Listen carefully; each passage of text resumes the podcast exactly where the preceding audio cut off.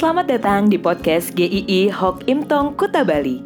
Penginjil Ray Reginaldi akan membagikan renungan harian singkat untuk membawa Anda mengenal dan menyembah Tuhan Yesus, bertumbuh dan menjadi murid Kristus, serta berdampak untuk banyak orang. Jika Anda merasa diberkati melalui renungan ini, silahkan bagikan podcast ini agar orang lain juga diberkati.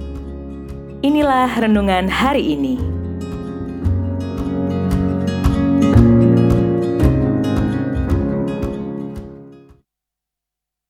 Hidup berarti. Matius 25 ayat 13. Karena itu berjaga-jagalah, sebab kamu tidak tahu akan hari maupun saatnya. Di tahun 1999, ada sebuah film yang muncul, The End of Days, yang dibintangi oleh Arnold Schwarzenegger. Film ini muncul karena begitu ramainya di tahun itu bahwa akan ada hari kiamat. Ada karya sastra yang muncul juga yang memprediksi bahwa 1999 dari langit akan tiba raja teror yang agung. Nah, hal ini menjadi gunjang-ganjing sehingga banyak orang memprediksi tahun 1999 menjadi akhir dari dunia ini. Tetapi kiamatnya nggak datang-datang. Malah filmnya yang laku. Nah, hal seperti ini sering kali berulang-berulang dari zaman ke zaman, dari tahun ke tahun. Termasuk prediksi-prediksi seperti ini pun sering terjadi di kalangan ada oknum-oknum orang Kristen yang melakukannya. Prediksi yang tidak pernah menjadi kenyataan karena tidak ada seorang pun yang dapat memprediksi atau tahu kedatangan Tuhan Yesus yang kedua kalinya kapan. Orang percaya tidak dipanggil untuk menghitung-hitung tanggal kapan Tuhan Yesus datang, tetapi dipanggil untuk hidup benar sesuai dengan kehendak Tuhan di dalam masa hidupnya itu. Mari kita melihat apa yang dikatakan Tuhan Yesus tentang kedatangannya. Dia menggambarkan dengan sebuah gambaran yang umum pada saat itu yaitu pernikahan. Dikisahkan ada 10 gadis, ada lima yang bodoh dan yang lima bijaksana. Posisi ke-10 gadis itu sedang menunggu untuk menyambut kedatangan pengantin pria dalam waktu yang tidak bisa ditentukan. Tetapi tidak ada yang tahu dengan pasti kapan jam kedatangannya. Karena pada saat itu juga belum ada wedding organizer Budaya saat itu menjelang pesta pernikahan akan ada pembayaran mahar yang dilakukan oleh mempelai laki-laki kepada mempelai keluarga perempuan. Itu akan terjadi tawar-menawar, bisa cepat selesai, namun juga bisa lama. Seharusnya para gadis itu siap sedia. Apakah waktu penantian mereka akan sebentar atau lama?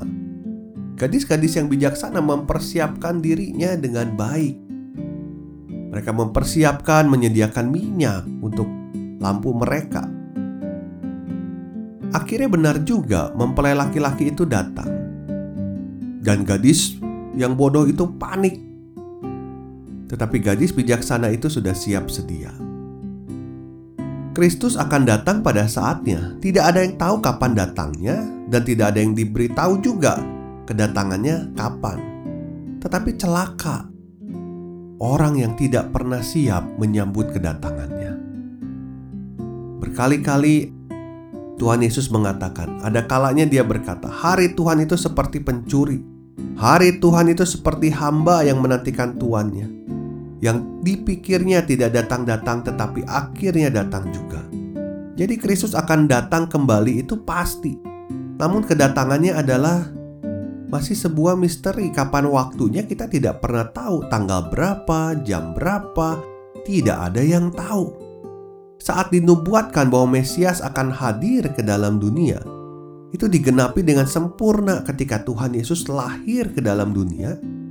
Dia menjalankan misinya di dalam dunia, dia berkarya, bahkan dia mati dalam karya terbesarnya menebus dosa manusia dan bangkit dengan kemenangannya yang agung. Semuanya tepat seperti yang dikatakan firman Tuhan. Sama halnya dengan kedatangan keduanya, dia pasti datang. Hari Tuhan adalah harinya Tuhan. Hanya Tuhan yang tahu. Kita tidak usah untuk ikut memprediksi, mengira-ngira, memikir-mikirkan sehingga hidup kita tidak dipenuhi dengan sukacita. Kita tidak memenuhi hidup kita dengan cara-cara yang berarti. Mungkin saja kedatangannya bisa lebih cepat dari yang kita duga, atau lebih lama dari yang kita duga. Tetapi yang pasti, Dia akan datang untuk menjemput kita juga, orang-orang percaya. Orang yang siap menyambut kedatangannya adalah orang yang sungguh sudah percaya kepada Tuhan Yesus sebagai Tuhan dan Juru Selamat. Sudahkah Anda percaya kepadanya? Sangat terlambat, bahkan akan ada penyesalan yang begitu besar ketika Tuhan datang atau ajal menjemput.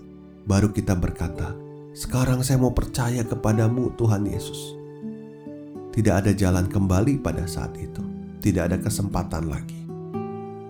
Berita ini juga sebuah penghiburan dan pengharapan yang pasti bahwa kita yang di dalam Dia akan berjumpa dengan Tuhan Yesus satu hari nanti dalam kemuliaan yang begitu menakjubkan, begitu indah bersama dengan Tuhan. Siapkah saudara ketika Dia datang? Kita sudah sering mendengar bahwa Tuhan Yesus mengasihi kita. Seperti apa kasihnya yang dikatakan di dalam firman-Nya? Apakah sama dengan yang Anda pahami? Nantikan besok hari kita akan membahasnya. Tuhan memberkati.